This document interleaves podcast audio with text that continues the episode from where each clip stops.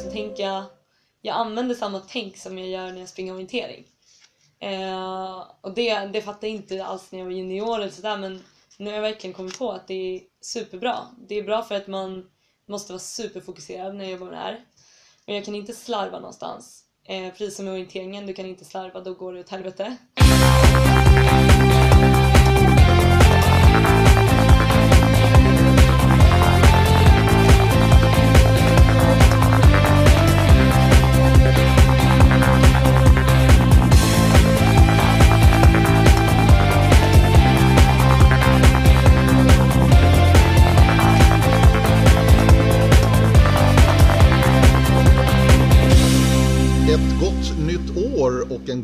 Fortsättning på detta nya år 2017 säger Radio O-ringen Podcast och jag Per Forsberg.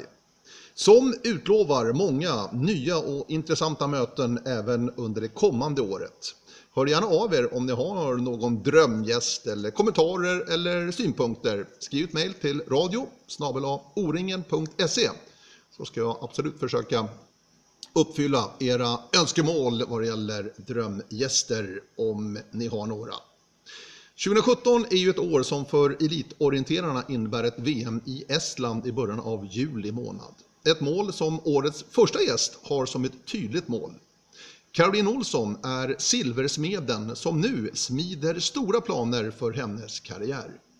I årets första podcast från Radio O-ringen, nummer 75 i ordningen, så berättar Caroline Olsson både om hennes arbete som silversmed, där hon ju delar ateljé med Olle Olsson, som både är en förebild och farfar till Carro. Det är en intressant historia att lyssna till hur Caroline Olsson kombinerar ett hantverksyrke med sin elitsatsning. Intressant också hur hon var på väg att sluta när hon inte kom in på orienteringsgymnasiet. Spelade istället innebandy på hög nivå, men kärleken till idrotten tog henne tillbaka till orienteringssporten. Till att börja med så får Caroline Olsson beskriva utsikten från fönstret i ateljén där på Urvädersgränd på Söder i Stockholm. Där är eh, min favoritplats. Det är här jag hittar mitt lugn. Där är gött. Där sitter jag och farfar uppe eh, på min Mosebacke. tittar ut över Slussen. Sitter och jobbar med silver. Ehm, Så här är liksom mitt hjärta kan man säga. Ja, vi ser Det är Redenfjällskyrkan, Storkyrkan, Stadshuset, hela Stockholms liksom eh, skyline har det här. Exakt, det är grymt. Det är så jäkla gött. Det är kanske därför också jag är så eh, fast i Stockholm. Jag tycker det här är så sjukt fint. Jag älskar den här stan. Det, mm, det finns mycket här. Verkligen. Och här sitter jag och du i din, vad säger man, säger man ateljé? Ateljé, Ja. ja. Ateljé eller verkstad är det. Mm. Det har alltid varit en eh, gammal pub där från början. Som Jaså? farfar har byggt om till en silversmedja. Så det är sjukt mycket gamla verktyg och grejer från när han, eller han har gjort dem själv faktiskt, de flesta. Alla hammare har han slipat för sin egen hand och fått allt att vara rätt tyngd på och rätt känsla för att få de perfekta hammarslagen. Så det tycker jag är coolt för vi jobbar ju väldigt så här gammaldags här. Alltså det finns ju, typ du skulle kunna köpa ett silverrör och såga ut en ring liksom. Men vi smider allt från scratch från början och bara börjar med en plåt och sen så får du driva dig mot olika järn och få formen liksom att stämma. Och de här gamla, det finns olika maskiner som är vår, våra slipmaskiner och sen så har du såna här valsar som är extremt gamla och folk som börjar med silversmide nu vet typ inte vad det här är liksom. Men jag tycker det är coolt att jobba så, så här gammaldags vis som de gjorde förr liksom. Och göra allt för hand. Det är det som är så roligt liksom. Då blir allt unikt. Och du har varit inne och touchat på det också. Din farfar Olle Olsson är ju en eh, silverkonsthantverkare. Precis, det är han. Eh, han är liksom lite av en silverguru för de flesta. Ja, det är så? Ja, han är, han är härlig. Han är både en galet bra personlighet men sen är han ju otroligt duktig. Han är både konstnärssjäl och eh, hantverkare. Så han är extremt duktig på sitt hantverk men han har sån bra fantasi. Alltså han kommer ju på grejer hela tiden. Och fortfarande, han är, fyller 89 nästa år och alltså det går inte en dag utan att han, det ploppar upp något nytt i hans skalle som han ska göra och han har mycket, sjukt mycket idéer liksom. Och det är det som är så kul för han har alltid varit så här. Ja men Karo du, du måste få vara fri, du, måste, du kan göra precis vad du vill. Låt inte någon stoppa dig. Du, du, kan tänka, du kan tänka typ de sjukaste grejerna som du kan komma på. Det kommer gå. Om du vill att det ska gå så går det. Och det tror jag är därför också jag, jag är så här, jag vill satsa på det här yrket för att det är så det är så sjukt roligt och jag tror att man kan lyckas om man vill. Och det är väl lika med träningen också att jag, jag tycker att det är värt att kämpa för och jag tror att man lyckas. Om man kämpar tillräckligt mycket så går det. Mm. Det kommer mycket orienteringssnack här också Karin, men jag tror Ja. vi stannar här Ja, vi stannar silver, ateljén. silverslidet Ja. ett tag till. Har, Ja. har din farfar också varit lite wild and crazy i sina saker säga? Ja, eller menar du med silvret? Ja. Eller? Ja, alltså han har Som ju... hantverk, som konsthantverkare? Ja, han har ju verkligen så tagit svängarna och gjort precis vad han vill liksom. Eller först i början när han började när han var 13 år som lärling. Och då har han verkligen utbildat sig, alltså lärt sig hantverket. Så han, jag gick fyra år på Hallberg så han gick på Bolins och lärde sig och han har jobbat på Konstfack så han har verkligen lärt sig grunderna först. Men sen när han startade eget då sket han i alla regler och bara gjorde precis vad man ville. Och då var det mycket så regler att silver det ska bara stå på bordet, det ska vara saker som man kan använda, det ska vara en skål, det ska vara en kanna och det ska vara en kopp liksom. Inget annat. Och då eh, ville ju han göra, nej men han bara, men varför skulle jag inte kunna göra en kollektion med hattar i verklig storlek? Och folk bara, men du är knäpp, det kan du inte göra. Det är, materialet är dyrt och vem skulle vilja ha det liksom? Och det går inte att göra det. Och det, han bara, nej jag tänker sitta med det här ett år. Och så gör jag bara det. Och så har han suttit och gjort den här kollektionen med hattar. Som, och sen så gjorde han även skor i verklig storlek. Som han ställde ut i hela världen. Han hade ju tjejer som dansade med de här hattarna i Frankrike, i Paris och den har gått runt den här utställningen. Och han, gjort hatt, eller han gjorde käppar, han gjorde en käpp till kungen som han delade ut när han, jag vet inte om det var när han fyllde 50 eller vad det var. Eh, och han har gjort ja, galna grejer. Som han fick, han vart ju liksom lite, han vart utkastad i så här hantverksförening och sånt för att de tyckte att han inte skötte sig efter reglerna. Men samtidigt var det han som fick ha, han fick ha kul och det var han som slog igenom sen. Och de andra var mest liksom avundsjuka att han vågade. Speciellt med ett sånt dyrt material. Och han hade ju verkligen inte, alltså han hade verkligen inte mycket pengar utan pappa har ju berättat för mig att han har levt liksom på gränsen hela tiden och de har sålt allt de ägde för att han ska kunna ha den här utställningen och sen så går det kanske inte alltid skitbra men ofta så, farfar är lite sån här han, eh, han lyckas alltid. Man tror att det inte kommer gå. Som han berättade om en utställning i Norge. I Trondheim han hade. Eh, och då hade han gjort en kollektion med stora, stora skålar. Gigantiska. Och han hade sålt allt för att få ha den utställningen. För att ha råd att köpa material och, och få ha den. Och så sålde han ingenting på, jag vet inte hur länge det var, två veckor kanske. Inte en pryl. Och så tänkte han, fan jag har inte ens, jag har knappt pengar till en biljett hem härifrån. Hur ska det här gå? Jag har två barn hemma liksom. Uh, det kan kom, nu går jag under liksom. Och då kommer en man och, uh, in sista dagen på utställningen och köper typ fem av hans skålar. Och sen så är han svinrik istället. Åker hem och bara lever livet liksom. Och det där är ju liksom farfar i ett nötskal. För att han, han gör så hela tiden. Och varje gång så, alltså det, det är än idag så här så är det att vi lever lite på gränsen och så, så säger han, "Ja, men Karo om du sätter i en sten i den här, den här käppen, då vet jag att jag säljer den. Jag bara, men farfar du har haft den här käppen i säkert 30 år, den har bara stått här, varför skulle någon komma in och köpa den nu? Han bara, jo men gör det bara, jag tror att det kommer bli ascoolt. Ja, och så blev jag såhär, ja ja men jag gör väl det då. Och så sätter jag den här, bara, men det här känns så himla onödigt. Och lägga massa guld och stenar på det här. Och så gjorde jag det och så gick det en vecka så kom det in en man och köpte den där käppen. Och jag fick hålla käften och bara okej, det han har rätt. Jag ska lyssna på honom. För det är alltid så här, det är så roligt. Ja. Och det är så kul att vara med honom för att han, alltså även fast han sitter med 50-lapp och det är det enda han har kvar så är han så jäkla lycklig. För han får göra det han vill. Och det tycker jag är ballt. Det är sån, han är så jäkla stor förebild. Jag tycker, för, för han bryr sig inte. Ja, han skulle kunna ha hur mycket pengar som helst. Och han skulle kunna ha hur lite pengar som helst. Men eh, det spelar ingen roll. Nej. Han är bara får göra det han vill i livet och det tycker jag är så jävla coolt. Det, så vill jag också vara. Det bekräftar verkligen här, jag vill inte säga att det är en myt, men konstnärssjäl Ja, någonstans. det är Eller ju hur? otroligt mycket. Alltså, ja, verkligen. Och det är det jag har lärt mig. Alltså jag lär mig hantverket också men jag tror jag går lite före i... Han har varit noga med att jag ska hitta min stil liksom. Och jag måste få vara fri i det jag skapar. Ingen ska bestämma och sätta mig i en box liksom. Så här ska du göra. Utan för att du kommer ingenstans för om jag vill hålla på med det här, om jag vill göra unika saker som inte är massproducerade, då måste jag hitta en stil som, det måste hitta mig själv liksom. Och, för annars kommer inte jag kunna sälja mina grejer. Tycker jag inte jag, hittar jag inte något unikt, gör jag saker som alla andra gör, då, då, spel, då kommer jag ingenstans. Det är ingen som vill köpa det liksom. Då kan de gå och köpa det på Guldfynd eller någonstans som det finns tusen ex liksom. Mm. Istället för att jag, du har något som du är helt ensam om, som är speciellt liksom. Mm. När, när bestämde du dig Karo för att gå i farfars fotspår? Mm, Har du haft har... den drömmen och närt den länge eller? Ja, jag var, jag var på mycket utställningar när jag var liten. Eh, och han ställde ut på Valdemars udde kommer jag ihåg.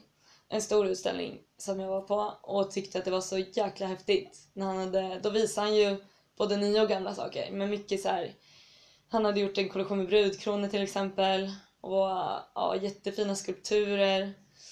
Eh, som jag, så tänkte jag bara det här är så himla häftigt, det här skulle jag vilja göra någon gång. Men så tänkte jag, men han är ju extremt duktig och det är jättesvårt att överleva. Och min pappa är ganska så här, det, hans barn är ju ganska olik honom. Min pappa är, är ingenjör och är civilingenjör och min eh, mo, eh, farbror är läkare.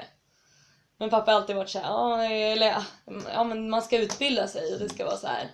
Eh, man ska man ska inte liksom glida genom skolan och så. Eh, och jag gick ju liksom, ja men jag läste högstadiet, sen gick jag naturvetenskap på gymnasiet, fast med inriktning design. Men eh, sen så, jag, jag praoade lite i åttan när jag, när jag gick i högstadiet, så var jag lite här hos farfar och gjorde en smyckeskollektion och tyckte det var jättekul. Men så tänkte jag, nej men gud, man, det här kan man inte överleva på. Hur ska man kunna leva på det där? Det går inte. Även fast jag tänkte att jag faktiskt egentligen skulle vilja hålla på med det. Men sen när jag gick i gymnasiet så gjorde jag mitt slutarbete, man har ju slutarbete i trean. Mm. Då uh, gjorde jag det här hos farfar. Så gjorde jag en kollektion med glasögonbågar i silver. Så både smycken och skulpturer som såg ut som glasögonbågar och smyckena var liksom som hängde i senilband fast det var kedjor liksom. Och när jag gjorde den så kände jag att det här, det här ska jag göra. Det här är det jag borde hålla på med. För jag, jag känner, som farfar berättade när han började, då kände han typ att de här eh, han, eller verktygen talade till honom. Och jag kan också känna det när jag är här, att det bara, det jag hör hemma här liksom. Mm. Det är här jag ska vara. Och då bara, för jag har ju jobbat på massa andra ställen som jag jobbar extra på ställen, men det är inte alls samma sak. Det betyder ingenting för mig. Det här är bara som att det är min plats på jorden typ. Jag vet inte varför. Jaha. Men sen så efter gymnasiet så fortsatte jag ju här som lärling. Och sen har jag gått den här skolan i Leksand. Eh, tre, där är min tredje utbildning där. Så ja, det var egentligen så jag trillade in på det. Silversmed, guldsmed, vad, vad är skillnaden där vid lag? Ja, att Ja. man jobbar i olika ämnen naturligtvis, olika metaller, men eh, Mm. är, är det två helt olika yrken eller? Ja, jag tycker det, och vi brukar, eller ja det är två olika yrken. Man jobbar väldigt olika. Som guldsmed är det mycket så här. Man sitter och gör pilliga saker, kedjor och du måste liksom sitta och samla ditt guldspån för att det är så otroligt dyrt material. Mm. Och det är väldigt mycket så fin, alltså guldsmide är lite mer likt det här som jag håller på med nu med juvelfattning. Det är väldigt pilligt, varje, det ska vara noga med millimeterna, allt ska stämma liksom. Medan silversmide är väldigt mycket mera grovt liksom. Ja, jobbar du i korpus är det ju driva från stora plåtar mot olika järn och hårt smide liksom. Tungt smide. Eh, men sen när du jobbar med silver i smycken så det jag tycker är att man kan vara så mycket friare. För jag behöver inte sitta och gråta över att jag tappar massa material. Även fast det är dyrt men det är inte som guld. Utan det är mer, man kan ta ut svängarna och du kan göra figurer och du kan göra, gå loss liksom som du vill. Eh, och du jobbar lite mer, ja men på ett typ grövre sätt än du gör med guldsmide. Mm. Inte alls lika mycket så här regler är det inte. Men eh, ja, det, det är olika eftersom de är olika hårda att jobba med och så. Men som farfar, han har jobbat i guld också. Han gjorde ju en kollektion med gulddoser. Eh, jätte, jättefina. Men då sa han när han skulle göra dem att om man ska göra de här så ska jag göra det i silverspråk. Så han jobbade i guldet på samma sätt som han jobbar i silver. Och då kunde han ju vara superfri och göra jättehäftiga grejer. Men då var det ju en som betalade allt material för honom liksom. Mm. Och då hade han ju sagt det innan, jag tänker inte sitta och samla spån av det här liksom. Det här ska, jag ska få göra det här på mitt sätt. Och då blir det bra. Mm. Men eh, nej men det är en helt, alltså skulle jag utbilda mig, det krävs ju en utbildning för jag kan inte bara hoppa på guldsmide sådär liksom. Utan det är annorlunda. Det dök upp ett ord där, korpus. Ja, nej korpus. Vad är korpus? Korpus är alltså stora föremål, till exempel skålar, vaser, kannor, skulpturer i silver. När du driver upp en, en grej från en plåt liksom. Som blir något. Så det brukar vi kalla för korpus. Eh, vad får du din inspiration och dina idéer till de föremålen du gör? Eh, Du jobbar ju mycket med ja. örhängen, halsband, armband, alltså Mm. Och nu är det väldigt mycket smycken. Ja. Förut så gjorde jag, när jag utbildade mig i silver så gjorde jag mer skulpturer. Eh, och gjorde ett päron i silver och ett ansikte med en, en liten gubbe med en hatt och så grejer. Ehm, men jag får jättemycket inspiration av att vi är iväg på resor med orienteringen faktiskt. alltså. För jag gör väldigt mycket naturinspirerade grejer. Jag, från början tänkte jag att det inte var så men jag har insett mer och mer att det kommer därifrån. För jag tar alltid med mig block och ritar när jag är borta någonstans. Och när jag kommer tillbaks hit också. Mina former är väldigt organiska. Det är ju i och för sig farfars också så det kommer ju därifrån med. Men jag tycker om att göra små kryp och löv och blad och mycket så här äh, naturinspirerat liksom. Så jag tror det, det är mycket därifrån faktiskt. För Det får ju, alltså varje gång vi är iväg på något så ser jag ju, speciellt när jag springer, även fast jag inte tittar i skogen så mycket när jag tävlar, men, men man ser ju i naturen former som man kan använda sen. Typ när vi var på världscup i eh, Tasmanien så hittade jag sjukt mycket bra inspiration där borta. Och det tyckte jag var skitroligt. Så eh, jag tror att jag plockar rätt mycket ifrån, från våra resor faktiskt. Det är, det är väldigt mycket pillgöra, det måste vara noggrann, oerhört noggrann i det här Mm. jobbet. Eller? Ja, jätte. Alltså även fast man, jag sa att man kunde vara väldigt fri och så här. Men du måste ju fortfarande göra hantverket rätt för att det ska bli bra, annars ser det bara slarvigt ut. Så, eh, och speciellt nu när jag jobbar med juvelfattning är det ju otroligt så här. man måste vara sjukt fokuserad. Allt ska göras rätt, det ska vara exakt rätt slipad vinkel på mina sticklar för att det ska sticka på rätt sätt. Och få rätt, eh, alltså man gör ju så att det polerar upp sidorna runt omkring stenen så att det ska glänsa liksom. Och borra rätt hårt på rätt ställe, rätt millimeter på allt liksom. Eh, så det är väldigt mycket så här precisionsjobb just med det. Och sen så kan man inte, alltså du kan aldrig slarva dig igenom något för det syns direkt Mm, liksom. mm. Så du, du måste ju vara supernoga och annars är det bara, då är det bara att börja om liksom. Om det inte funkar, blir det inte bra så, så kan du inte behålla den grejen utan det är bara att börja om. Det är bara att börja om. Ja, det har jag lärt mig. Jag blivit arg många gånger för jag har egentligen inte så bra tålamod. Jag är väldigt så här, jag vill att det ska bli något bra av det här. Eh, och inte ta för lång tid heller. Men jag har fått lärt mig i det här yrket att det, det tar tid och jag måste ge det tid och jag kan inte slarva. Och det är faktiskt bara som jag har suttit med, med grejer hur länge som helst och jobbat och sen blir det inte bra så gör jag något fel. Då har ju farfar kommit och bara ja ah, men du kan kasta det där, du får börja om. Mm. Och då blev jag skitarg för jag bara vad fan har jag sumpat tre veckor på det här liksom, ska jag slänga det nu? Då bara ja ah, men det spelar ingen roll, det där kommer aldrig bli bra. Eh, och det har jag insett nu bara, ah, men det är bara så det är. Man vill ju, vill ju att det ska bli bra liksom. Mm. Det är ingen som ska kunna komma och klanka ner på mig sen och bara men du har ju, du har ju slarvat här liksom. Du har inte gjort den lövningen bra. Det, det funkar inte. Nej. Ofta kan du göra om saker. Alltså vi är ju, om det är en skulptur så kan det bli något helt annat. Så är ju farfar väldigt bra på att han ser möjligheter istället. Så du behöver oftast inte kasta det men, men du måste ändå, om du ska göra exakt det du tänkt och det inte funkar då, då får du liksom börja om.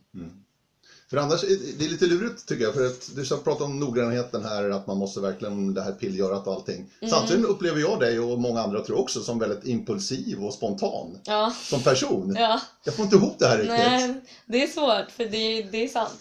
Så är det. Eh, men det Men du har lyckats liksom Ja. bygga ihop det här på något bra sätt. man måste hitta någon balans för det brukar farfar säga att om, typ när jag jobbar i silver mycket, om jag ska göra en skål, då måste jag hålla mig, jag börjar med en skiss och sen ska jag hålla mig till skissen stenhårt och jag ska göra alla moment i rätt ordning och allt så här.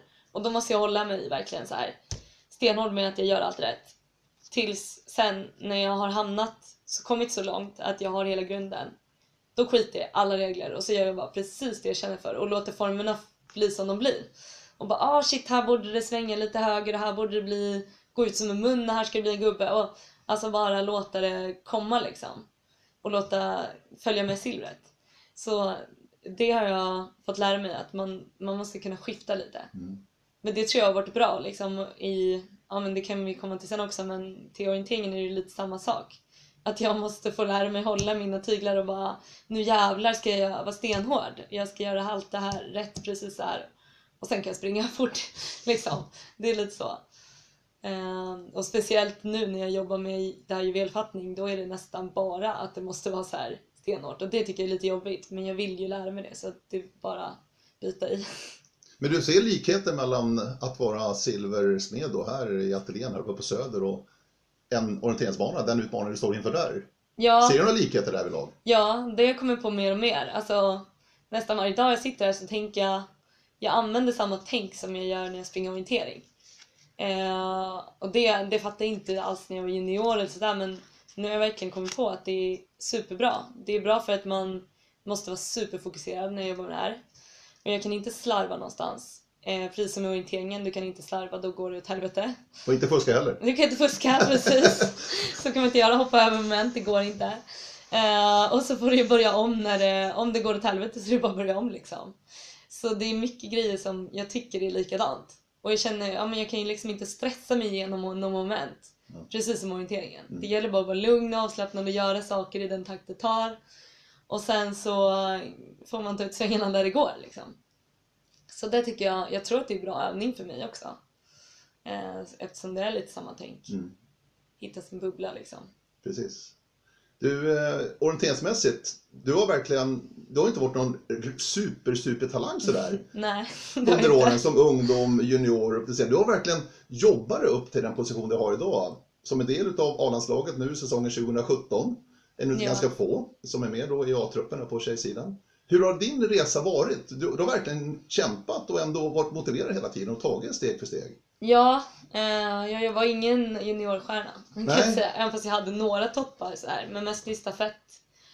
Eh, och jag hade inte tänkt att jag skulle satsa på det här sättet egentligen.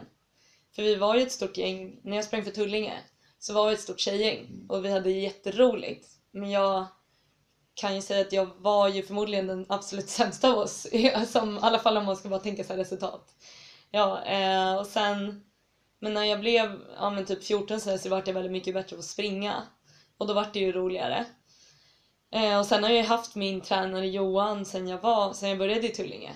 Så han har ju haft mig sen jag var typ 13 eller något. Eh, och sen har ju han bara följt med fast jag har spelat väldigt mycket innebandy och, och inte tyckt orientering var super, super roligt liksom. Jag tyckte det var kul att åka på våra resor och träna med tjejerna liksom men, men inte så att jag, jag tyckte att det var superviktigt. Men sen, ehm, sen var det ju, ja sen var det ju sista års junior, eller nej innan där, jag ville ju komma in på Eksjö ehm, gymnasiet för att alla de här tjejkompisarna jag hade gick ju där. Men så kom jag inte in och jag kom inte in på något. Jag tyckte i och för sig att jag sprang, jag sprang bra på testerna men jag kom i alla fall inte in på något gymnasium. Och då var jag lite less och bara, nej men det är bara jag kvar i Tullinge, det är inte superkul. Så då eh, började jag gymnasiet i Huddinge och spelade jättemycket innebandy. Och tyckte det var skitroligt. Och bara, nej men jag kör på det här nu. Och sen sprang jag ju med Johan och de sprang friidrott och sådär också. Men jag sprang lite orientering men inte så superseriöst. Ehm, men sen tror jag när jag slutade gymnasiet så började jag träna lite mer. Och sen så flyttade jag in till stan och så bytte jag klubb till Järla. Eh, och då började jag träna, alltså när jag, jag har alltid varit så här. när jag väl tränar så ska jag fan göra det bra liksom. Jag kanske inte tränar, tränar inte alls lika mycket som de andra men de passen jag gjorde tror jag var väldigt mycket kvalitet liksom. Ehm, och när jag då bytte klubb och flyttade in till stan så, och slutade gymnasiet så slutade jag också med innebandyn. För att det tog för mycket tid med att jag skulle hinna, jag ville vara här på ateljén, jag behövde ha ett extra jobb för att få ihop det med ateljén och jag ville hinna springa liksom. Och då tyckte jag det var, var spännande med ny klubb och eh, var med på alla träningar och körde hårt. Och sen det året där, jag tror det var 2011, ehm, så opererade jag bort min halsmand där. Jag har haft jättemycket sjukproblem. Att de svullnade upp och jag var jätteförkyld och sjuk hela tiden och fick börja om med träningen hela tiden. Och när jag gjorde det och det vart bra och så tränade jag på under vintern då gick, alltså helt plötsligt så var det som att jag var dopad nästan. Alltså jag bara kom på en träning och sprang skiten med alla andra som har varit så mycket bättre än mig. Mm. Och bara, vad fan hände liksom? Jag var bara, äntligen släppte det. Jag bara, fan jag har slitit så jävla många år men jag har inte kommit någonstans. Och nu bara funkar allt. Och då var jag skitmotiverad och bara, nu ska jag köra på liksom. Och då var det så kul, eller det är fortfarande, jag har ju fått sjukt mycket hjälp av alltså grabbarna i Järla till exempel har ju dragit mig på intervallpassen och, och gjort, hjälpt mig liksom jättemycket. Så jag tror att jag utvecklades supermycket både fysiskt och tekniskt det året. Och sen så tog ju, fick jag vara med i landslaget sommaren efter. Eh, och varit uttagen på typ såhär Nort och, och var med på Euromeeting och så. Och det gjorde ju också jättemycket för att eh, eh, då fick jag liksom chansen att vara med och bara, någon tror på mig. De, jag, folk tror att jag kan det här liksom. Fan vad sjukt. Jag bara, men då jävlar ska jag visa dem att jag kan det här. Och så blev jag, tog jag det seriöst liksom. Mm. Och sen har jag ju börjat lägga på bra mycket mer träning. Eh, och då har ju ja, Johan och jag samarbetat mycket mer än vi gjorde när jag spelade innebandy då. Johan, Ställberg är det, ja, som springer på Tullinge. Ehm, så då har ju vi byggt upp från början igen och lagt på. Jag, då började jag träna mycket mera och seriöst liksom. Och sen den här teknikdelen som jag egentligen Alltså plötsligt så börjar grejer falla på plats liksom. Jag har alltid blivit utdragen på de här teknikträningarna fast jag inte tyckte det var skitkul. Och sprungit igenom det, springer jag ofta lite för fort och gör samma fel hela tiden. Och så, så skiter jag i det och så åker jag hem och bara ja, ja, det blir nog bättre nästa gång. Men jag har inte funderat vad jag gör för fel. Tills då, nu när jag börjar, när jag börjar bli bra och få vara med på grejer, bara, vad, vad är det som gör att det funkar egentligen? Vad är det jag gör rätt och vad är det jag gör fel? Och då lärde jag mig med mycket hjälp av Anneli då, Östberg eh, och hitta mitt lugn liksom och hitta min, mitt sätt att springa orientering. Att ta all den här, för jag är väldigt jag var väldigt duktig på att springa men jag, har, jag vill ju gärna så mycket mer att jag springer fortare än vad jag klarar av att orientera. Och då, då fick jag, varje gång så fick jag öva på att bara hitta lugnet och hålla mina tyglar i den, jag kan inte springa fortare än vad jag klarar av att orientera liksom. Det går inte, det får jag inte göra. Och sen får jag släppa när, när jag kan hantera det liksom. Och där tror jag att jag har byggt upp nu under de här åren, senaste åren har jag bara ja, jag har blivit, försöker ta steg fysiskt hela tiden och sen bara plocka det tekniska och kunna hålla högre och högre fart i skogen och hantera det liksom. Och speciellt minska misstagen, att de här stora grejerna när jag kunde virra hur länge som helst inte blir så stora. Att jag tar dem, den tid jag behöver. Precis som i silvret, jag tar den tiden jag behöver för att klara det momentet. Så gör jag det i skogen också liksom. Så jag tror att, ja, jag har haft en liten resa men jag tror jag alltid har varit väldigt må, alltså, eller inte målinriktad, resultatmålinriktad. Men med träningen så har jag alltid varit jäkligt hård med att jag ska göra de passen bra, de jag gör liksom. För det är ingen idé för mig att gå och åka på en träning och lägga tid på något och bara lalla omkring liksom. Ja visst, jag gjorde säkert det när jag var junior ett tag men jag, jag har nog alltid varit så här, ja åker jag på ett intervallpass då ska jag springa så hårt som jag kan liksom. Och sen eh, så är jag nöjd. Det är en bra förmåga. ja, jag tror det har gett Ta, ta ganska vara på mycket. tiden på bästa möjliga sätt. Exakt. Och så tänker jag väldigt mycket nu med teknikträning också. Bara, men varför ska jag åka hit och göra det här halvbra liksom? Då behöver jag inte göra det överhuvudtaget. Nu gör jag det här så bra jag kan och så tar jag med mig det jag kan. Och liksom analyserar. För att det, jag ser, nu för tiden ser jag ju mer som att det är ett jobb liksom. Och bara, ja men det är min uppgift att göra det här bra.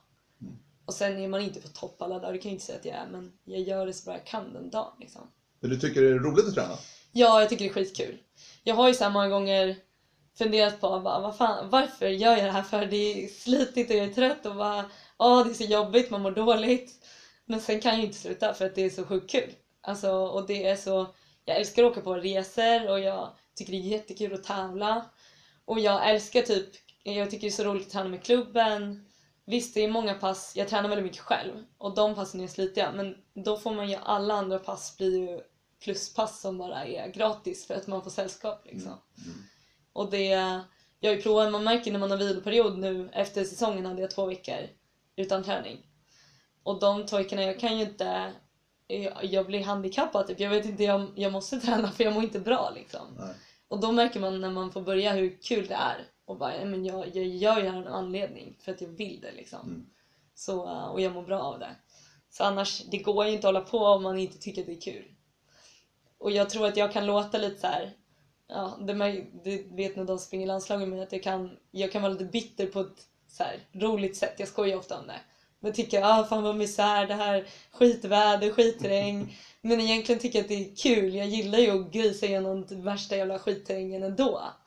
Men, eh, men för jag skulle, det skulle inte gå. Skulle jag tycka att det här sög varje gång jag är ute och tränar då funkar det inte. Nej. Det är roligt liksom. Du, jag backar lite till när, du Ja. inte- när du inte kom in på något orienteringsgymnasium som du Mm. verkligen ville. Mm. Började spela mycket innebandy. Men det här med orientering, var det fortfarande lika roligt då? Eller tappade du lite sugen? Ja, jag tror jag tappade lite sugen. För jag var så, alltså jag var inställd på att jag skulle komma in på orienteringsgymnasium faktiskt. För Ja. jag tittade inte ens på något annat. Jag var helt säker på att jag skulle komma in. Och sen när jag inte kom in så var jag så jäkla besviken och ledsen. För att också, dels för att alla mina kompisar gick där. Och för att jag tänkte att nu har jag chansen att, och, alltså nu jävlar kanske det blir något här liksom. Mm. Och då gav jag lite upp och bara nej men nej, då är jag inte tillräckligt bra. Då, då får jag göra något annat. Och sen när jag började gymnasiet så jag gick jag naturvetenskap design och då var det lite mer inriktat på design och jag umgicks med de som gick i skolan med mig och de som spelade innebandy. Mm. Och då är jag ju, alltså vi spelar ju ändå, nu spelar jag junior då men jag var också med i damerna och de spelade elitserien så det vart ju mycket innebandy och jag tyckte det var skitroligt. Mm. Så det var så här, ja men jag springer orientering när jag får tid liksom och sen kör jag innebandy. Så det var prio på innebandy där? Ja, mycket mer. För det var det som var matcherna, jag ville ju vara med liksom och jag, jag, jag tror i alla fall att jag var ganska bra på det. Eh, för sen efter gymnasiet var det ju antingen satsade jag på innebandy och då åker jag runt på elitserietävlingarna eller, eller matcherna. Eller så satsar jag på orientering. Eller försöker liksom lägga mer tid på det. Eh, och sen var jag såhär, ja men ja, det, det var svårt att välja men samtidigt kände jag att jag inte, jag tror att jag kunde bli bättre på orientering än vad jag var liksom. Och jag tyckte, även fast de, för de träningarna jag var med på när jag spelade innebandy, det var mest liksom intervallträningen och det. För där kände jag ändå, men fan jag är ju snabb, jag kan det här är jag ganska bra på, även fast det är jobbigt. Eh, och då hade jag ändå Johan och då tänkte jag, men fasen jag, jag vill nog det här ändå. Men då måste jag göra någon förändring. Om jag nu ska lägga ner innebandyn som jag faktiskt tycker är rolig. Eh, och då bytte jag klubb till Järla. Och jag tror, även fast jag tycker Tullinge är superbra, de har sjukt bra träningar. Och de, det är en klubb som jag, alltså jag skulle inte ha något problem att byta tillbaka dit för jag tycker de är, det är grymt liksom. Men jag tror att det var jättebra för mig. Jag tror aldrig att jag hade blivit så här bra om jag inte hade gjort någonting åt min situation. Och hade bytt miljö liksom. Och fick träna med folk som var, var väldigt mycket bättre än mig själv också. Det tror jag gjorde mycket. Mm. Ehm, för då hade jag ju liksom sparring varje pass liksom.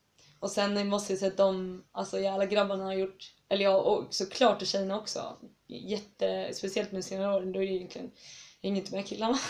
Men eh, då, jag kommer ihåg under den tiden när jag var på väg upp och inte hade, var lika bra, att jag hade liksom en som tog på sig att dra mig varje pass liksom. Mm. Och det är så jäkla, det har gjort så mycket liksom. Mm.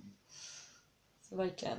Det, Alltså som senior sen när du bytte till Järla och börjar liksom eh, få lite framgångar. Vilket är det viktigaste under vägen här? Du känner att okej, det, här var, det här var viktigt liksom för min fortsatta satsning. mm.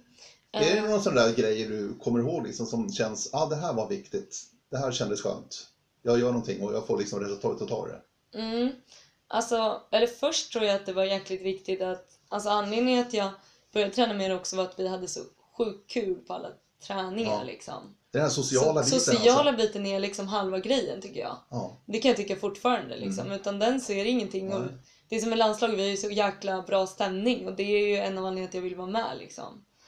Men där i klubben så var det så sjukt kul och bara, men det är klart jag åker på träningen, det är ju skitroligt. Vi har ju skitkul och sen drar vi och gör något annat efter som också är roligt. Ja. Eh, Så det var en av grejerna. Och det är jätteviktigt. Eh, Men sen, sen tycker jag, eller jag har fått så, nu är det så här att jag, eh, de viktiga grejerna är att jag jag, har ju- jag har fått så mycket hjälp på de bitarna jag behöver. Men det är ju, jag är också bra på att ta hjälp för att jag, jag vet att det här måste jag utveckla och då hittar jag den rätta personen för det. Som nu hjälper Erik Ivarsson mig med tekniken och då tar vi tag i de bitarna där jag, där jag ligger efter och det jag behöver träna på inför speciella tävlingar liksom. Och sen så Johan hjälper mig med det fysiska och Anneli hjälper mig med det mentala. Mm. Och den biten också är ju jätteviktig. Den mentala biten har jag tänkt att ja men vadå det löser sig väl. Men det gör inte det för mig. Det lösa sig inte själv. Jag måste ha någon som hjälper mig. Och speciellt på tävlingar.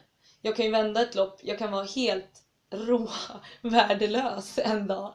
Och så tänker man att ja, men det är den här nivån jag håller. Jag är fasen inte bättre än så här. Det är skittråkigt. Men det är inte det. Och så ringer jag och pratar med Anneli. Och så kan jag vinna dagen efter. Det har hänt så många gånger.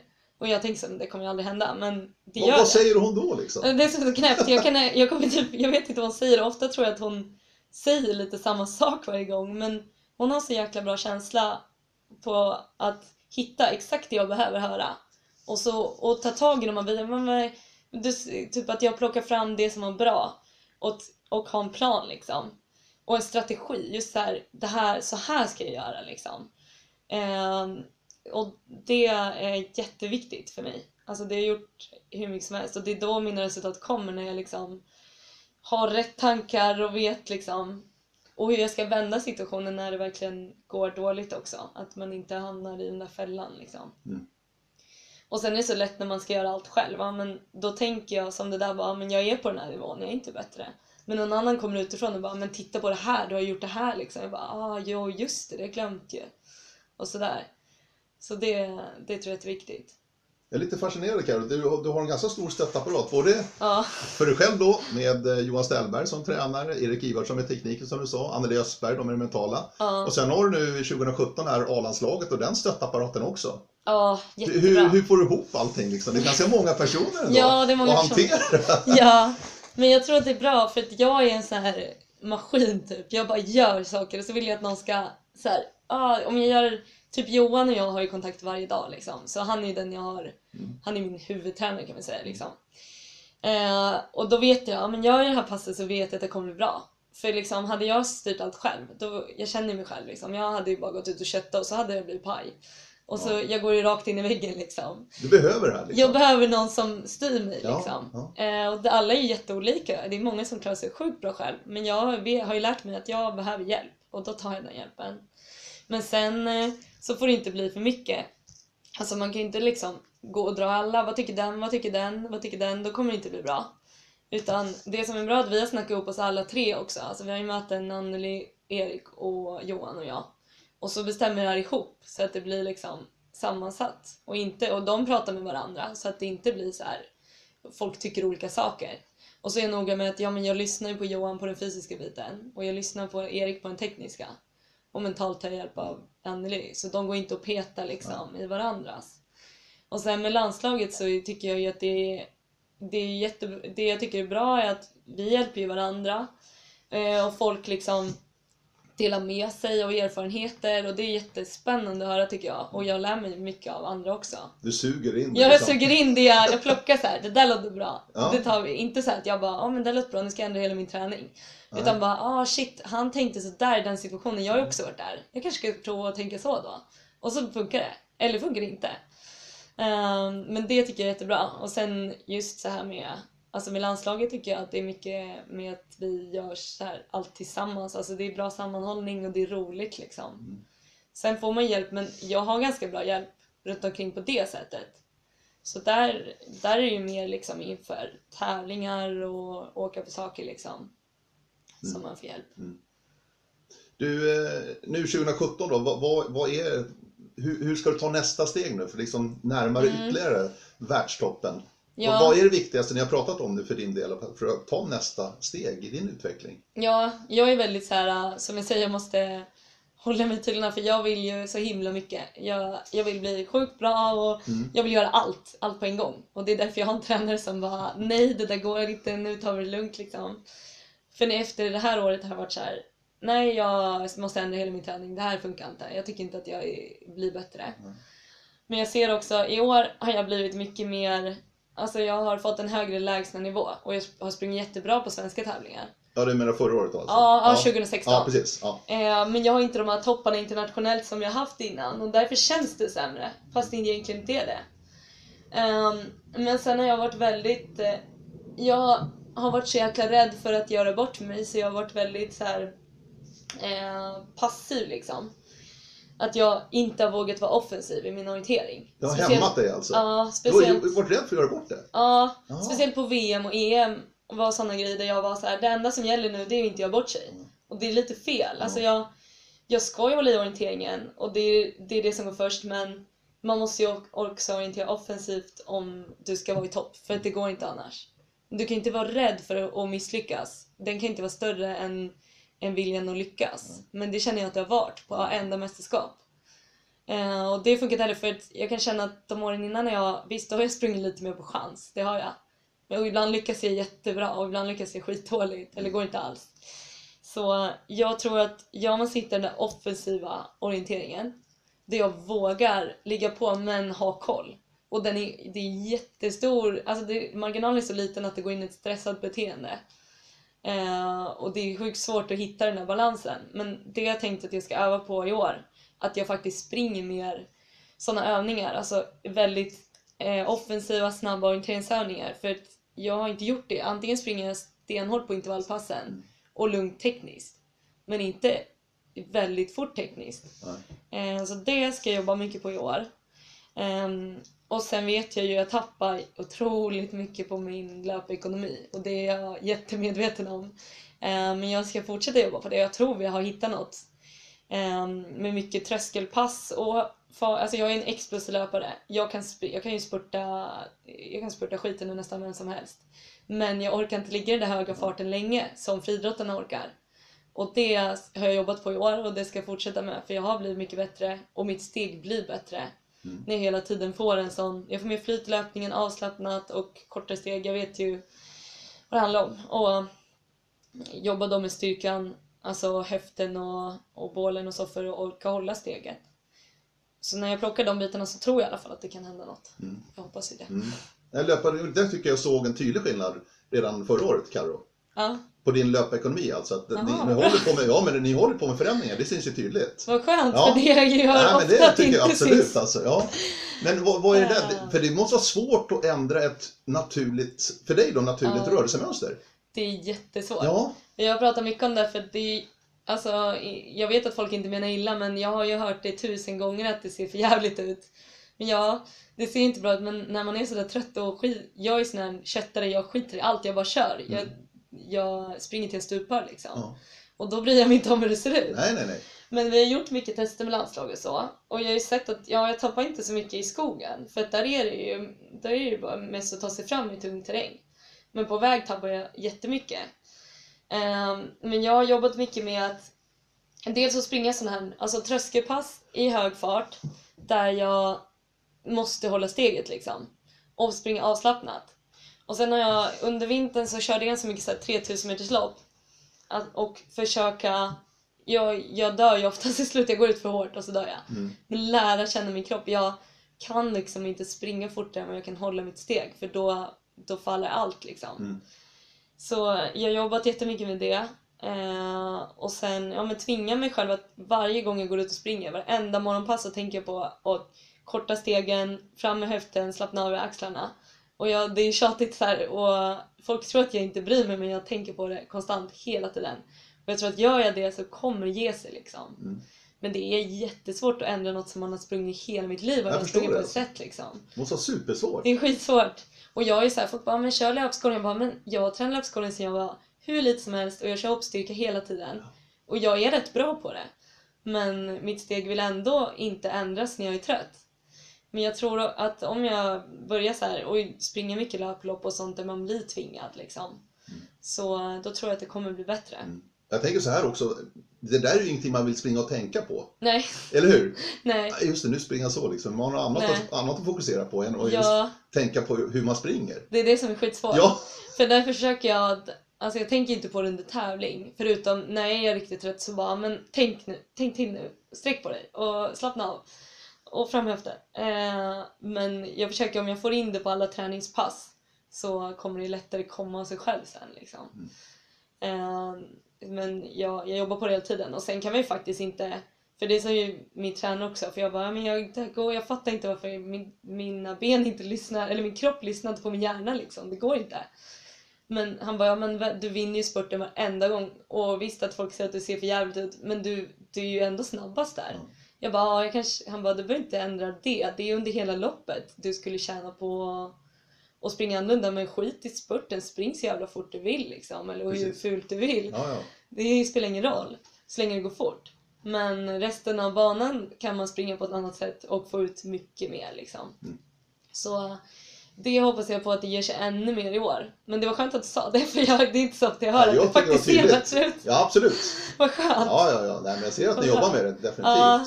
Ja, jag har verkligen kämpat med det jag Mm. gör det hela tiden för jag tror att det är en vinnande grej. Mm. Alltså jag tror jag kan plocka väldigt mycket tid på det. Mm. Om jag bara får kroppen att hänga med liksom. Du, så här långt i din seniorkarriär, Karo, så har du ju nått mest framgång, störst framgångar internationellt i sprint. Mm. Är det medvetet eller är det någonting som bara blivit? Eller? Ja, det är nog bli, eller jag ty- har alltid tyckt sprint väldigt kul. Ja. Men jag tror att det har lite med att jag är som löpare som jag är. Alltså explosiv, intensiv. Alltså jag, och jag är så lite som pers- person också.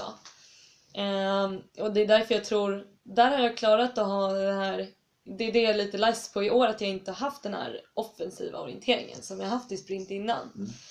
Eller jag har haft det på vissa tävlingar, men inte internationellt. Ehm, och det har jag inte vågat haft i skogen för jag, jag kan erkänna att jag ligger efter i tekniken kanske sen jag var junior, att jag inte riktigt har hängt med där. Men det märkte jag ju typ på medel-SM i år, när jag provade, jag bara nu går jag ut och så springer jag som en sprint. Och så gjorde jag det och då var det tre liksom. Jag kan springa annorlunda. Så i år så tänker jag, alltså för till 2016 så bestämde jag mig för att satsa på sprint. Jag springer allt men jag lägger mest fokus på sprint. Och jag har kört väldigt mycket sprintorientering. Um, ehm, men i år så tänker jag att jag kan lika gärna jag kan satsa på medel också. Så nu är det lite mer inriktat medel, sprint. Och sen, jag tänker springa lång med men det krävs andra grejer för lång. Och det vet jag ju liksom. Alltså det är en annan träning för mig i alla fall. Jag har inte tid att köra den mängden och jag, man, jag orienterar på ett annat sätt. Jag kan inte ha det där intensiva. Alltså när jag springer sprint så är jag 100% fokuserad liksom. Hela tiden. Och det klarar jag en kvart. Och nu har jag inte sett ja men jag klarar det en halvtimme också. Eh, fast lite annorlunda. Men på en lång så, så måste man kunna slappna av och du måste kunna gå, spring, gå ut och springa en väg och hitta vägval och det... Jag har inte kommit lika långt där liksom. Mm. Så det kanske tar sig också. Men jag tänker att jag lägger mest krut på medel och sprint till 2017. Mm. Så jag tror att det är bra. VM 10 i Skottland då 2015 på sprinten, topp 10 där. Mm. Förra året då VM hemma i Sverige i Strömstad och sprinten. Hade Mm. du, hade du liksom en, en förhoppning om att bättra på den där topp 10, eller den tionde placeringen på Skottland på Ja. hemmaplan? Och Vart det något speciellt att springa just hemma i Sverige då, en, en, ett VM? Mm, ja, det var det. Eh, jag var sjukt taggad på att slå min placering också. Ja, Men det är svårt det där för året innan så var det min första år jag skulle springa VM. ja. Och då var jag bara väldigt så här sjukt glad att jag fick åka med och tänkte allt var så spännande och nytt och jag bryr mig inte riktigt om... Jag vill göra det här bra men jag har ingen, ingenting att jämföra med. Och så i år så var jag otroligt målinriktad och bara jag har kapacitet att komma topp 6, jag vet att jag kan det liksom. Eh, och alla träningar gick otroligt bra innan och jag bara det här kommer gå så sjukt bra. Det här kommer gå jättebra. Och sen bara kom jag dit och så springer jag inte alls. Jag springer mycket bättre på en träning än vad jag sprang på mitt VM-lopp. Och då vart jag skitbesviken. Alltså kvalet gjorde jag bra. Eh, bra kvallopp liksom. Men på finalen så gjorde jag jättemycket saker annorlunda. Jag hade, det var mycket grejer, jag hade bestämt saker innan som jag hade förberett oss på. På vägval till exempel, att jag absolut inte fick ta vissa vägval. Som visade sig sen vara bättre. Men jag tänkte att det var, vi hade, jag var så bestämd när vi hade rekat innan att det inte var bra. Och sen så var jag väldigt defensiv i mitt tänk. Jag sprang väl ganska fort men jag var, jag var livrädd för att missa och göra bort mig. Jag Nu kommer det här igen liksom. Ja, och det gjorde jag ju på, så har jag gjort innan också. Eh, och det var ju inte året innan, alltså tju- i Skottland Mm. så eh, var jag mer offensiv och tänkte vad fan skitsamma jag satsar liksom. Och så, men det jag mindes var den här, jag hoppade in på sprintstafetten då också. Mm. För Lena gjorde illa foten. Och då fick jag springa siststräckan och då gick jag ut stenhårt och bara nu jävlar kör vi. Och så sprang jag jättebra fram till varvning. Och sen gick jag in i väggen liksom. Och nu så var jag så livrädd för att göra det. Jag bara, jag får inte gå över gränsen, jag får inte bli dum i huvudet, jag får inte springa fort. Men det är ju precis den träningen jag har gjort i år, alltså till 2016. Jag tränar tröskelpass, jag tränar att ligga där uppe och bara jobba i den där höga farten och klara det. Så jag, jag fick för mig att jag inte kunde hantera det och därför drog jag ner på farten och var defensiv i orienteringen. Mm. Och ja, direkt till en trettonde plats och det är såklart inget dåligt men det var mycket sämre än vad jag hade hoppats på. Mm. Och jag tror att jag har kapacitet att göra mer liksom. Men jag tycker det är så svårt det där med resultatmål för, eller att man fastnar i det lite också. Att jag är såhär, ah, jag måste komma det här och Mm. för att jag gjort det innan men så det tänker jag också att nästa år att jag skiter lite i resultatet men jag ska bli bättre liksom. Jag ska träna på att springa såna, som jag ska göra på ett mästerskap. Mm. Jag ska inte ändra något från en annan tävling liksom. Men hur är det nu då inför 2017? Ökar du träningsmängden eller så bättre och hur bra koll har du på träningen? Får du träningsdagbok och sånt där och analyserar och hur, hur jobbar du? Mm, jag har skrivit träningsdagbok. Hela, eller jag, har, jag lägger in mina pass. Förut hade jag Funbeat, nu kör jag sagt bara ett Garmin. Johan sitter ju med min Garmin-klocka och ser alla pass. Okej, Och det tycker jag är ganska skönt för då får jag direkt feedback efter typ ett intervallpass. Och bara ah shit nej jag bara det kändes inte bra liksom. Och då bara men du har kört det här passet för några veckor sedan vi kan kolla. Och så bara "Ah, men det var ju bättre tider än förra gången. Det här var ju skitbra. Och då bara ah shit det var bra fast det kändes jäkligt tungt liksom. Och sådär så det är superbra. Ehm, och sen så teknikpassen så har jag haft, det har jag väl ändrat också. Egentligen förra året lite mer att jag har analyserat mycket mer. Och det är därför jag tar hjälp av Erik för jag är verkligen, jag tycker inte att det är så roligt att analysera. Mm. Eh, eller har inte tyckt innan. Men nu så eh, så har jag haft som grej att jag tittar på mina teknikpass, lägger in min GPS-rut och så skickar jag den till Erik. Mm. Och så får jag feedback av honom. För då har jag en uppgift också när jag springer så tänker jag så här, ah, men fasen det här, nu vill jag göra Erik stolt, nu vill jag göra det här bra för han lägger ner tid på mig. Och då, då blir det en grej att jag genomför passen bra liksom. Så, så det, det, jag ska försöka hålla i det att jag faktiskt försöker analysera mina teknikpass. Ehm, och eh, sen så ändras inte Själva mängden ändras inte lite, kanske att mina utfyllnadspass blir lite längre men det, det är inte mycket liksom. Mm. Det viktigaste är att de kvalitetspassen jag gör blir väldigt bra. Eh, och vi bygger liksom vidare på det jag hållit på med egentligen. Alltså det här med att orka hålla den här höga farten i en längre tid. Eh, för explosiv, det, kan man inte, det ska man inte sluta träna på de här korta intervallerna men det är ju det jag har fördel av att jag är bra liksom. Mm. Ehm, så nej, egentligen blir inte träningslängden supermycket annorlunda. Det blir mer fart i skogen. Eh, och ehm, ja, de intervallpassen vi har kommer bli hårda liksom. Men inte fler sådana. Nej. Utan bara göra dem bättre. Det, det, det låter mig, du, du verkligen vill ha bekräftelse på väldigt mycket. Ja, Fungerar det så? Det, det är, det är Ja. unikt som människa, verkligen inte, men det är väldigt tydligt här. ja, Du vill ha en bekräftelse någonstans liksom, Ja. på att jag gör rätt eller det funkar. Alltså. ja, för jag vill inte så bara... Jag tycker ändå så här, jag, även fast det är kul så sliter jag hårt. Och jag bara, då vill jag ändå känna att jag gör rätt saker, att det blir bra. Sen kan man ingen... Det jag pratar mycket om med folk, bara, det blir galen på att man aldrig kan bli garanterad att man kommer lyckas. Mm. Det är ingen som kommer säga, men Karo du kommer ta en VM-medalj i ditt liv. Nej, det kanske jag inte tar. Men jag vill. Och jag, jag måste ju tro på att jag någon gång kommer kunna ta det. För att jag ska kunna hålla på. Eh, så jag tror så här, ja, jag har ju sjukt höga krav på mig själv. Och är alldeles för höga för det att vara bra för mig ibland. Men det också gör att jag orkar slita typ. Och sen tycker jag så här, det är därför vi gör också mycket så här, vi springer, springer de här, vi har testlopp, jag och Johan som vi kör och eh, jag kör så här löplopp och grejer för att få lite så här, men fast den här, nu verkar det som min träning funkar bra liksom. För annars kanske jag håller på med något som inte, då kanske jag kunde ändra någonting som ger mig mer liksom. Så jag tror att det är bra och sen kan jag känna mig mer nöjd. Vad har du för stora mål nu inför 2017? Vad är det du ser framför dig framförallt som du tittar mot? Ja, såklart är det VM eh, i Estland. Eh, men jag ska vara lite, i år är jag faktiskt väldigt sugen på också försöka jobba mig mot en medelplats också. Eh, och inte bara sikta in mig på sprint. Men eh, det är ju skitsvårt, alla är så himla duktiga. Men jag ska jobba med det här och, och orientera offensivt och jag är sugen på att göra väldigt bra internationella resultat. Mm. Det är ju inte så mycket, det är ju världscup där i Finland innan. Mm. Och sen är det VM. Och sen är det världscup på hösten. Men jag, jag känner ändå, jag behöver de där topparna liksom. Jag, jag jobbar för att de ska komma liksom.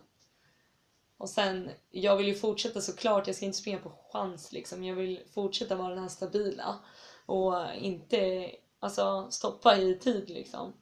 Så det ska vi inte tappa. Men eh, just topparna tror jag, jag, jag, jag, jag hoppas att de kommer i år. Mm. Eller nästa år. Vad, vad, vad betyder det för dig, eh, Karo, att ha världens bästa orienterare i den här gruppen i form av Tove Alexandersson? Då? Vad, vad betyder Mm. det för dig? Det är coolt. Det är jäkligt häftigt. Vi eh, umgås ju ganska mycket. Vi bor ofta tillsammans på läger, jag och Tove. Eh, Hon är ju sjukt stor förebild alltså. Jag tycker det är ballt att hon är så...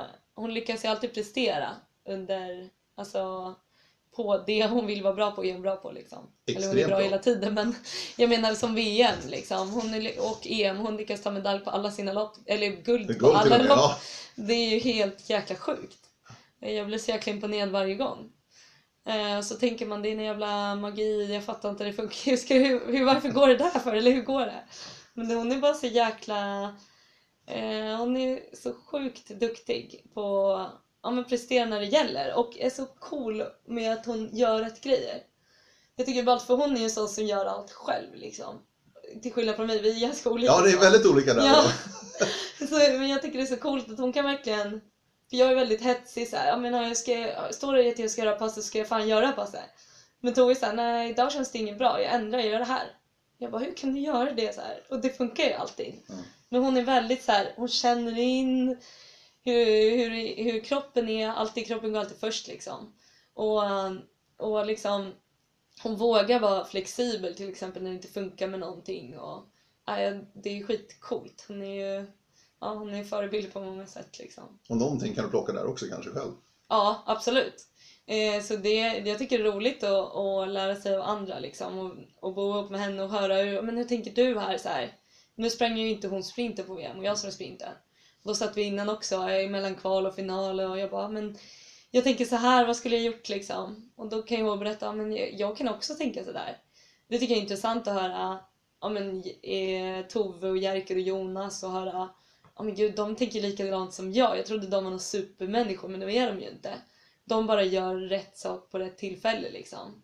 Och sen är de ju extremt duktiga men de kan ju också sitta och tänka att de kommer misslyckas eller vara supernervös för ett kval kan de vara. Fast de egentligen är självklart att de går vidare liksom. Mm. Och det tycker jag är intressant att höra och bara, ja men gud, jag är, de, de tänker som jag liksom. Mm. Så ja, man, man, det är det man kan lära sig jättemycket av, av andra liksom.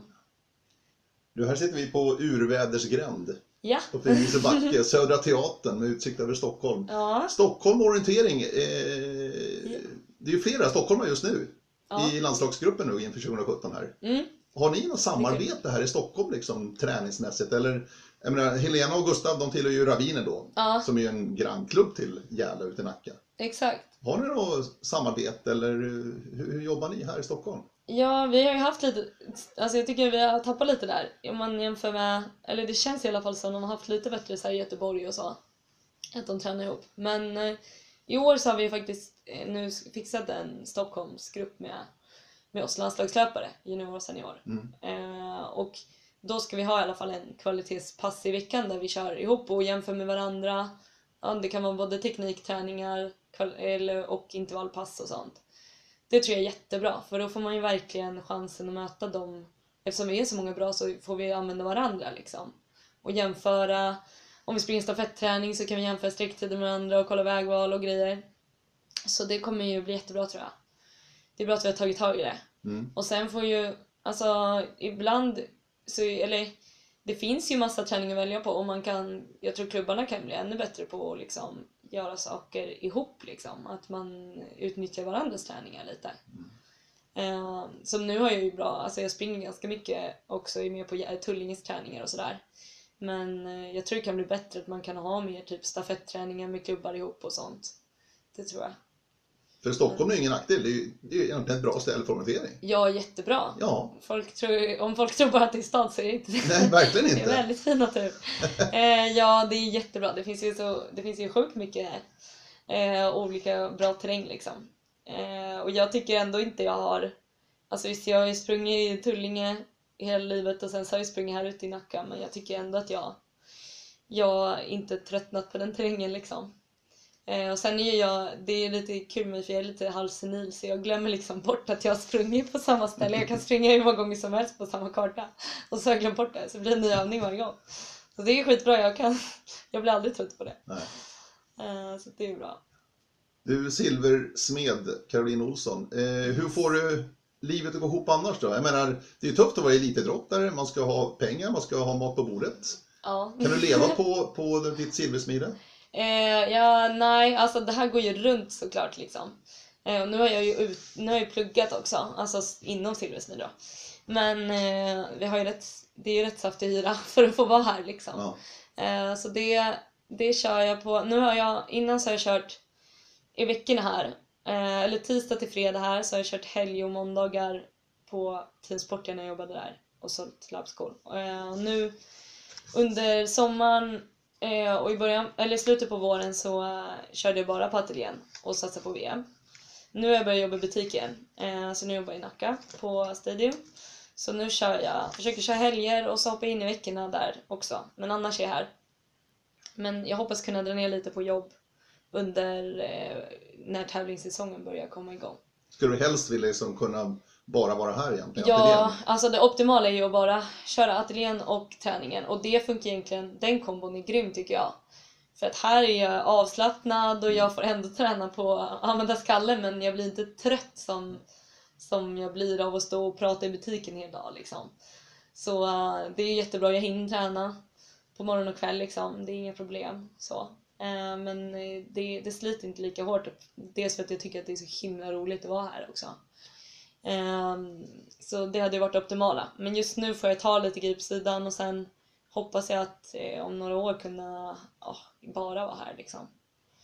För det blir ju lite av, alltså jag hade ju säkert kunnat bli mycket bättre på att marknadsföra mig och jobba eller mer här på ateljén men det, den tiden går ju åt till min träning också så jag, jag prioriterar träningen först och sen vill jag vara här och sen får jag köra lite annat jobb på sidan. Just det. Men det här är ju en chans. Du, du gör ju beställ... Är det beställningsjobb du gör egentligen? Ja, egentligen inte. Eller, hur fungerar det? Ja, det För är att liksom leva både- på att vara silversmed och Ja. göra smycken och annat. alltså, som farfar han kör ju bara sin egen design och han, han tar inte beställningar om det inte är så här, men jag vill ha en ring men du får göra på ditt sätt liksom. Mm. Men ofta gör ju vi, alltså vi kan göra förslag till exempel. Om du vill ha en ring så uh, kan jag säga ja men jag gör, den, jag gör den på mitt sätt och sen om du inte tycker om den behöver du inte köpa den. Får vi se om du gillar den. Och nästan alla gånger så tycker de om den ändå. Men de bara vet inte om vad de vill ha liksom. Och det finns, jag har ju gjort, jag gör ju min egen design och jag har mycket att välja på liksom. Olika grejer, smycken och skulpturer. Och det är det, jag vill ju kunna göra mitt eget men jag tar ju också beställningar. Eh, jag har ju tagit en del och det är också lättare, när jag håller på med juvelfattning blir det en del så här förordningsringar och sånt. Men jag vill också, jag vill också tycka, eller jag tycker det är viktigt att ha min egen touch på det. Så att det blir så här, ja men där är en eh, Caroline Olsson ring liksom. Det är inte vilken som helst. Och sen kan de vara väldigt stilrena och ta ut svängarna som jag gillar men jag vill ändå ha lite min egen stil liksom. Eh, men sen, jag har tagit, förut har jag tagit beställningar efter skiss och i utbildningen så har jag gjort grejer efter andra skisser liksom. Så jag kan såklart göra det också. Men eh, helst är att jag, jag gör liksom eh, min egen design. Men det är mycket tid, alltså det tar mycket tid att göra de här sakerna. Ja, det är Och det är svårt att kanske få betalt för all tid man lägger ner egentligen. Ja, det får jag absolut inte. Nej. Men det får man typ glömma för att det är roligt liksom. Eh, så det, det är ju svårt. Men jag tror också det, ja, lite som idrotten, jag tror ju om man kämpar på så tror jag att det släpper också. För nu har det varit så här, men nu har jag hållit på med utbildningen och jag tror ju att om man får ut sina grejer bara sen så tror jag att det, det är som en plugg som släpper lite att man man eh, folk känner till en liksom Mm. och så kommer de hit. Men nu har jag ganska, jag har ju bra för att farfar har ganska stor kundkrets och jag har ju levt lite på det. För vi har ju utställningar några gånger om året och då säljer vi mycket och så lever man på det liksom. Sen har jag lite så här beställningar under tiden eh, eftersom. Men inte hela tiden liksom.